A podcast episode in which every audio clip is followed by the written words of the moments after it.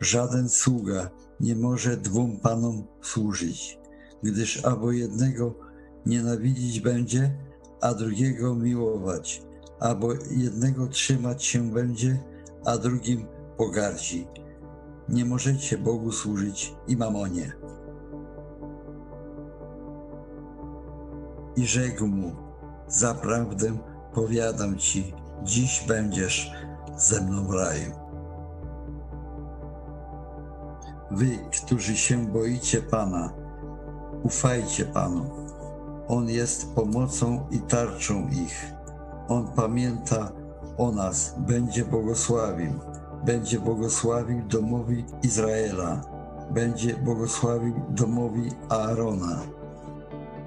Będzie błogosławił tym, którzy się boją Pana, zarówno małym, jak i wielkim.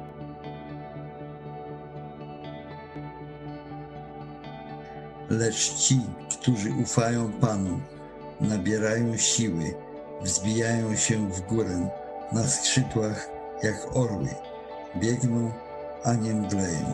Idą, a nie ustają.